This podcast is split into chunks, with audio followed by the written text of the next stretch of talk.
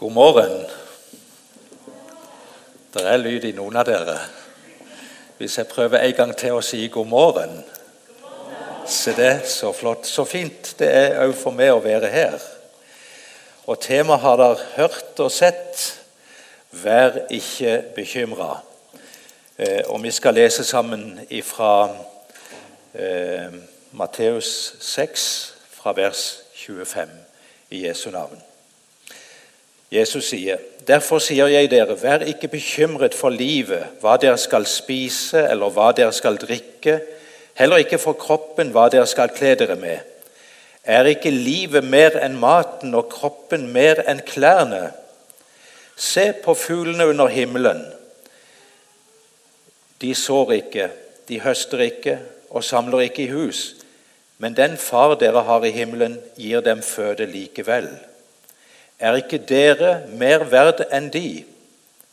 Hvem av dere kan vel med all sin bekymring legge en eneste alen til sin livslengde? Og hvorfor er dere bekymret for klærne? Se på liljene på marken, hvordan de vokser. De strever ikke og spinner ikke. Men jeg sier dere selv, ikke Salomo i all sin prakt var kledd som en av dem. Når Gud kler gresset på marken så fint, det som gror i dag og kastes i ovnen i morgen, hvor mye mer skal han da ikke kle dere, dere lite troende? Så gjør dere ikke bekymringer og si ikke hva skal vi spise, eller hva skal vi drikke, eller hva skal vi kle oss med?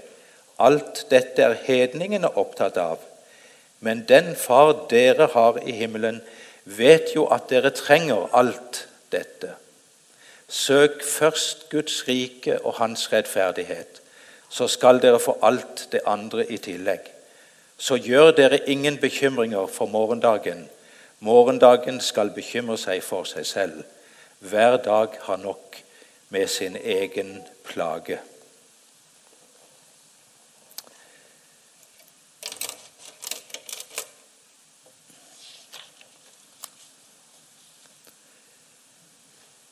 La oss samtidig starte der vi er. Nå vet jeg ikke nøyaktig hvor dere er forhold til bekymring. Det er jo ikke sikkert noen av dere er bekymret i det hele tatt. Men det kan godt tenkes det gjør. For livet gir mange grunner til bekymringer. Både små og store bekymringer, og òg enda større bekymringer. Det viktige spørsmålet er, som òg Jesus løfter frem her, det er om bekymringer i det hele tatt løser noe av det vi bekymrer oss for. Og et annet spørsmål er hva gjør bekymringene med oss når vi bekymrer oss? Åssen har vi det da? Og kanskje minst like viktig åssen oppfører vi oss da imot hverandre, særlig i de nærmeste relasjonene? Og et annet spørsmål vi òg kan ta stilling til hver for oss, det er og stor del av dagen, for ikke å si natta, og livet vil du bruke til å bekymre deg? Det var en venn av meg som for mange år siden slutta å hvile middag. Jeg har ikke gjort det, jeg har ikke tenkt å gjøre det heller. For han regnet ut hvor mange uker og måneder og år han sov på sofaen da. Så han slutta å hvile middag. Jeg vet ikke hvordan det har gått med han når det gjelder akkurat det. Men bekymringer er der mildest talt sagt ingen vits i å bruke tid på. Snart tvert imot. Det ødelegger og forstyrrer og gjør livet vanskeligere.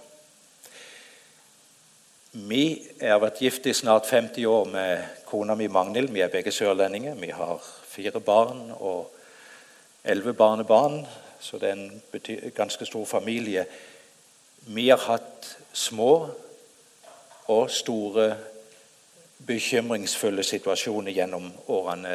Noe av det er alvorlig kronisk sykdom i familien. Og noen av våre aller kjæreste har over flere år vært gjennom svært alvorlige, vanskelige om vi ville si bekymringsfull situasjon. Og når vi var i det sammen med våre kjære som følte det aller mest og hadde det inni, inni sitt liv, så kjente vi òg, jeg og kona mi, på stor følelsesmessig smerte. Vi bekymra oss mye. Og det skjelte mye nattesøvn, særlig fra kona mi. Men vi gjorde òg noe nyttig. Vi ba mye til Gud, og vi fikk en god del venner med som forbedrere for de som sto midt oppi det. Vi prøvde å vise omsorg på relevante måter og hjalp med alt det vi kunne bidra med. Og Når vi ser oss tilbake nå, så er det ingen tvil om at forbønnen og omsorgen var til stor og god hjelp. Men bekymringene de var ikke til det minste hjelp. Men de fikk heller noen av oss i min generasjon til å gå ned i kjelleren følelsesmessig innimellom. Veldig forstyrrende både dag og natt. De aller fleste bekymrer seg, tror jeg. Eh, noen mer og noen mindre.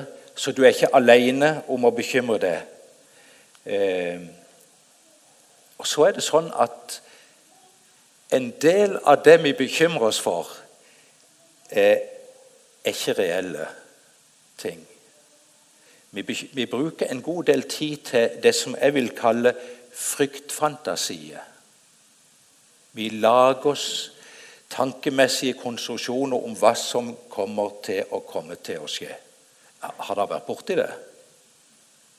Har dere hørt om det? Jeg tror mange av oss har brukt en del tid på det. Forfatteren Mark Twain han hadde i hvert fall vært en god del borti det. Han sier bl.a.: Mitt liv har vært fullt av forferdelige katastrofer, hvorav de fleste aldri skjedde. Hva er bekymringer? Jo, det er indre dialoger med oss sjøl. Det er tanke, òg fantasier, det er grubling, og det kan være gruing. Og bekymringstanke ikke alltid, men de starter ofte med to ord. Enten 'tenk om' eller 'tenk hvis'. Og så kommer selve bekymringa. Og Disse bekymringstankene de skaper følelser i oss, emosjonelle følelser som engstelse, uro, tristhet og frykt. Noen ganger noe henimot og dypt ned i depresjon, i angst og panikk. Andre ganger mer irritasjon og sinne og frustrasjon. Bekymringer stjeler masse eh, konsentrasjon. Eh, stjeler fred ikke minst inni oss. Det stjeler trygghet. Det stjeler masse nattesøvn eh, hos folk.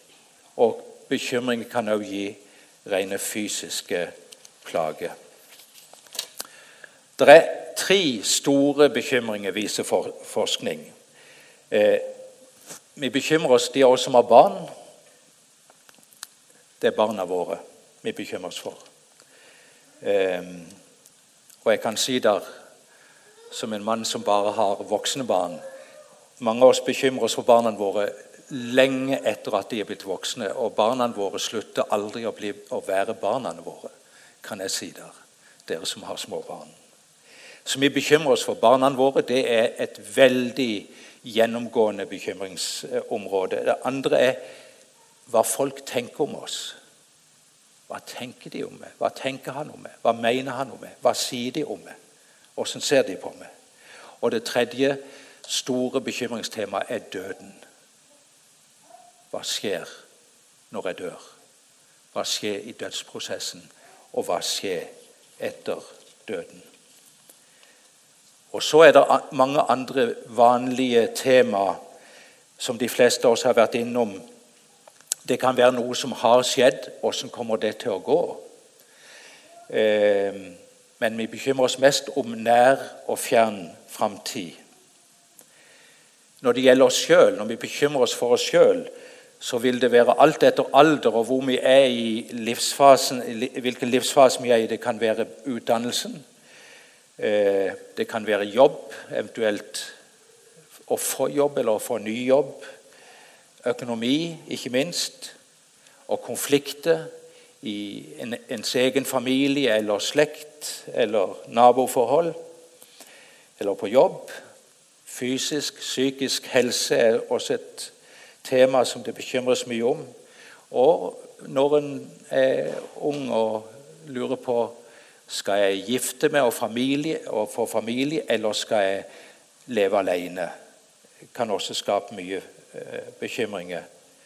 Og òg for, for oss kan vårt forhold til Gud Åssen er egentlig mitt forhold til Gud? Åssen ser Gud på meg? Er jeg trygg? Er Gud glad i meg? Og jeg tror vi kan få inn mange ikke-bibelske spørsmålsstillinger. Er jeg god nok for Gud? Det har vi sunget fine sanger om i dag. at eh, Det er ikke vår godhet som gjør oss trygge i Gud, men det er Kristus, hva Han har gjort for oss. Men vi kan få mange vanskelige tanker. og Blir jeg virkelig frelst og kommer frem til himmelen når jeg dør? Og familien kan være bekymra for ektefelle, for egne barn, og når en blir besteforeldre for barnebarn. Men òg verdenssituasjonen kan vi bekymre oss for. Klimaendringene, terror, flyktningkriser, krigstørsel. Og det kan være en og annen som bekymrer seg for presidentvalget i USA for tida. Det typiske med bekymringer er at det dukker ofte først opp én tanke. En kan ha en fin morgen eller en god dag fri for bekymringer, og så dukker det opp én person i tankene eller én ting i tankene, og så setter det i gang. Så ofte dukker det opp én tanke først, og deretter tar den ene negative tanken etter den andre i en lang prosess. Og tankene kverner rundt i hodet og skaper uro og engstelse uten å føre til problemløsende atferd. Det skjedde for Kari, og dette er en dikta historie, men jeg tror det, er mange som har opplevd eh, ulike varianter av det. Kari hadde sendt en, til, en, SMS til sønnen sin på 18. Det hadde vært litt surt mellom de tidligere på dagen, og Kari ville bare høre åssen han hadde det. Og så hadde hun behov for å si at 'jeg er glad i deg'. Eh, og så sender hun en sånn melding, en god melding til han. Og får ikke svar, selvfølgelig. Og så starter bekymringstankene den ene etter den andre.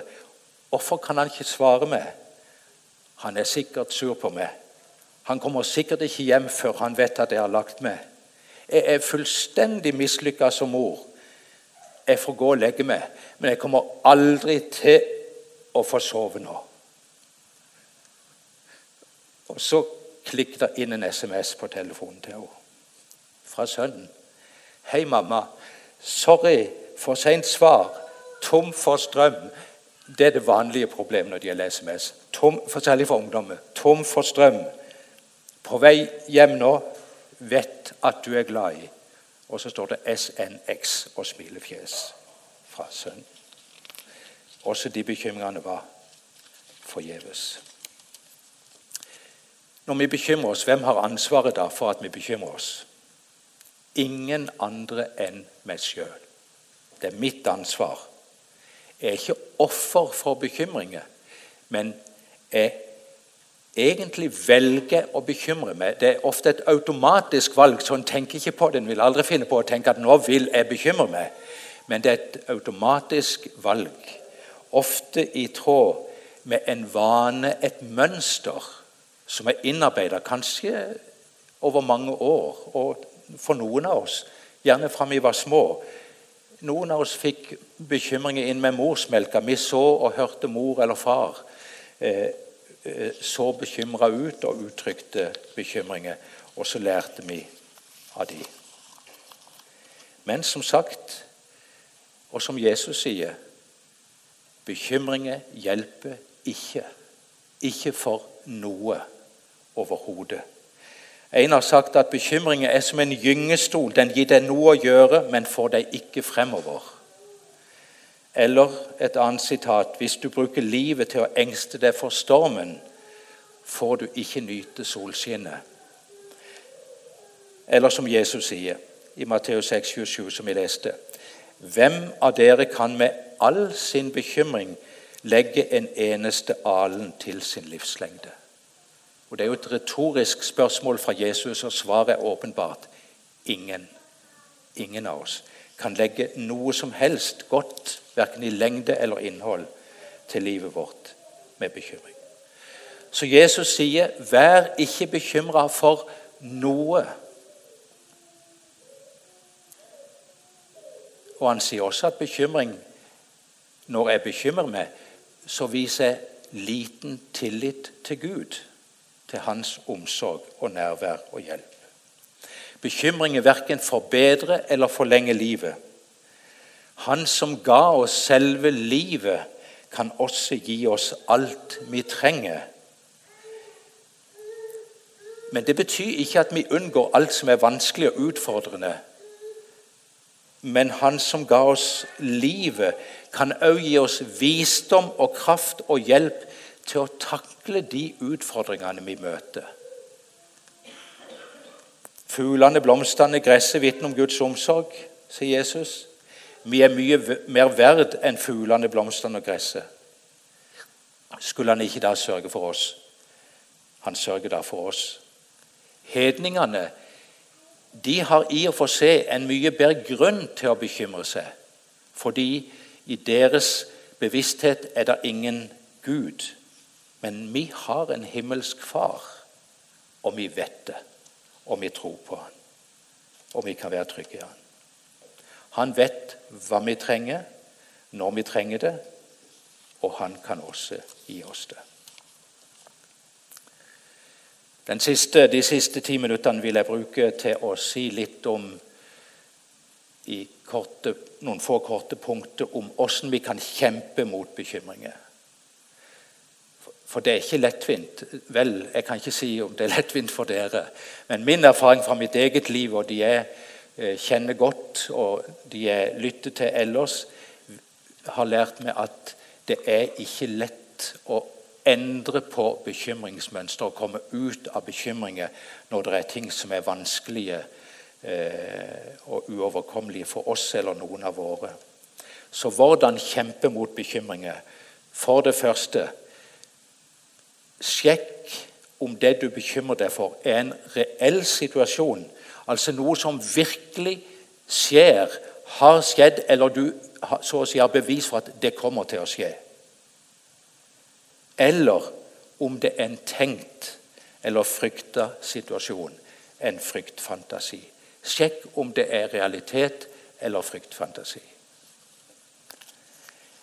Hvis det du er bekymra for, er en fryktfantasi, da må du, og det må du gjøre veldig bevisst, legge det vekk.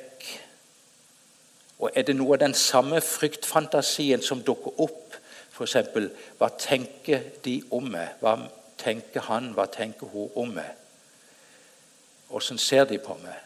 Hvis det skulle være en sånn fryktfantasi hos deg For de har ikke sagt noe stygt og negativt til deg, gjerne. Ehm, så må du, Og det dukker stadig opp igjen. Gjerne daglig, gjerne flere ganger daglig. Og særlig når ikke du har noe spesielt å gjøre, så kommer fryktfantasien. Da må du veldig bevisst legge det vekk hver eneste dag over en lang periode inntil det begynner å svekkes. Andre Korinterbrev 10,5 kan være til hjelp for oss der. Vi tar hver tanke til fange under lydighet mot Kristus. Ta den fryktfantasitanken til fange, arrester den. Bruk fjernkontrollen hvis du har en til å fryse den og still han på tiltalebenken og avvise han fra livet ditt, fra tankene dine. Det er ikke enkelt, det er mulig. Og òg Romerne 12,2.: La dere forvandle ved at sinnet, tankelivet, fornyes. Du kan si til deg sjøl og Gud når du ønsker å avvise, bortvise en fryktfantasi kan du si til deg sjøl og Gud dette vet jeg ingenting om. Jeg vil ikke plage meg sjøl med dette. Ikke nå, og ikke seinere. Jeg velger å tenke på noe helt annet, som er godt, som er sant, som er positivt og nyttig. Eller jeg velger å gjøre noe nå som kan hjelpe meg å få tankene over på helt andre ting enn denne fryktfantasien. Eh, eller å lytte til noe som kan hjelpe meg i den retning. Avvis fryktfantasier. Still de på tiltalebenken og fell en dom til varig bortvising fra tankelivet ditt. Men du må gjøre det mange ganger, for de vil komme igjen. Hvis det er et mønster. Hvis det, en, hvis det er en reell situasjon du bekymrer deg for, noe som har skjedd, eller som pågår, eller som du vet kommer til å skje, eh, så anbefaler jeg på det sterkeste bruk tid og krefter da på det som hjelper, og ikke på det som overhodet ikke hjelper, men bare forstyrrer og ødelegger. For det første, legg det det gjelder, og de det gjelder, fremfor Gud i bønn. Daglig. Og i tillegg gjerne hver gang i løpet av dagen du kommer til å tenke når bekymringen kommer. Bruk tida i stedet til å be for den og for de det gjelder, for deg sjøl hvis det gjelder deg sjøl. Ehm, og spør gjerne andre eh, om å være med i forbønn. Når noen av våre kjære gikk gjennom over flere år forskrekkelig forskrekkelig situasjon. Eh, da fikk vi mange forbedere med. Så, og vi holdt de oppdatert. Og vi sa «Da må først love oss at de ikke forteller om noe av dette til noen, bortsett fra til Gud. Og så holdt vi de litt oppdatert, så de visste om hva som skjedde. Så be, og gjerne få noen til å være med og be. I Filipperne 4,6 står det:" Vær ikke bekymret for noe, men Og det kunne stått i stedet Legg alt dere har på hjertet, framfor Gud. Be og, påkall, eh, og be og kall på ham med takk. Filipperne 4,6. Det andre Finn en i hvert fall som du stoler på, og som ikke vil fortelle det videre. Som du kan dele den bekymringsfulle situasjonen med, og dine bekymringer. Så du slipper å bære det alene. Jeg har mange ganger lytta til enten det er familiemedlemmer eller andre som har hatt veldig vonde og vanskelige bekymringer. Og den timen gjerne vi har brukt til samtalen, hvor jeg har lytta og den andre har snakka og grått, da har jeg merka at vedkommende ofte, ikke alltid, men ofte har vært veldig trist, veldig lei seg i den første delen av samtalen. Men så kan jeg høre at det letter og letter, og så havner vi et annet sted følelsesmessig. Eh, når samtalen er ferdig. Fordi vedkommende i hovedsak får lov til å utøse sitt hjerte og sette navn på det, i stedet for at det bare skal svirre inn i hodet her. Det har stor betydning å lytte til hverandre der. Galaterne 6,2.: Bær byrdene for hverandre og oppfyll på den måten Kristi lov. Bær byrdene.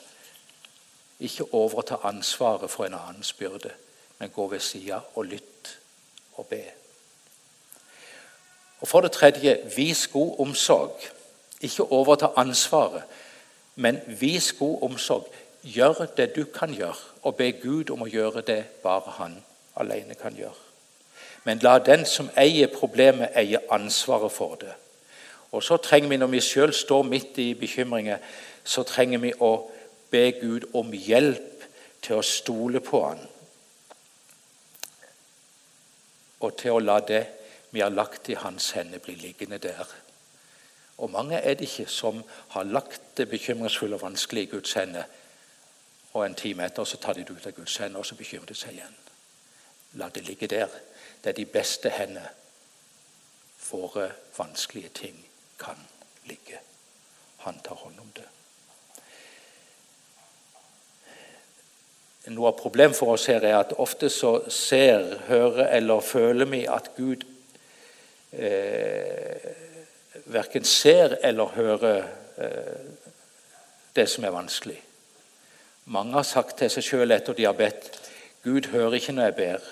Det er sånn de føler det. Derfor nytter det ikke å be. Har vi lett for å tenke.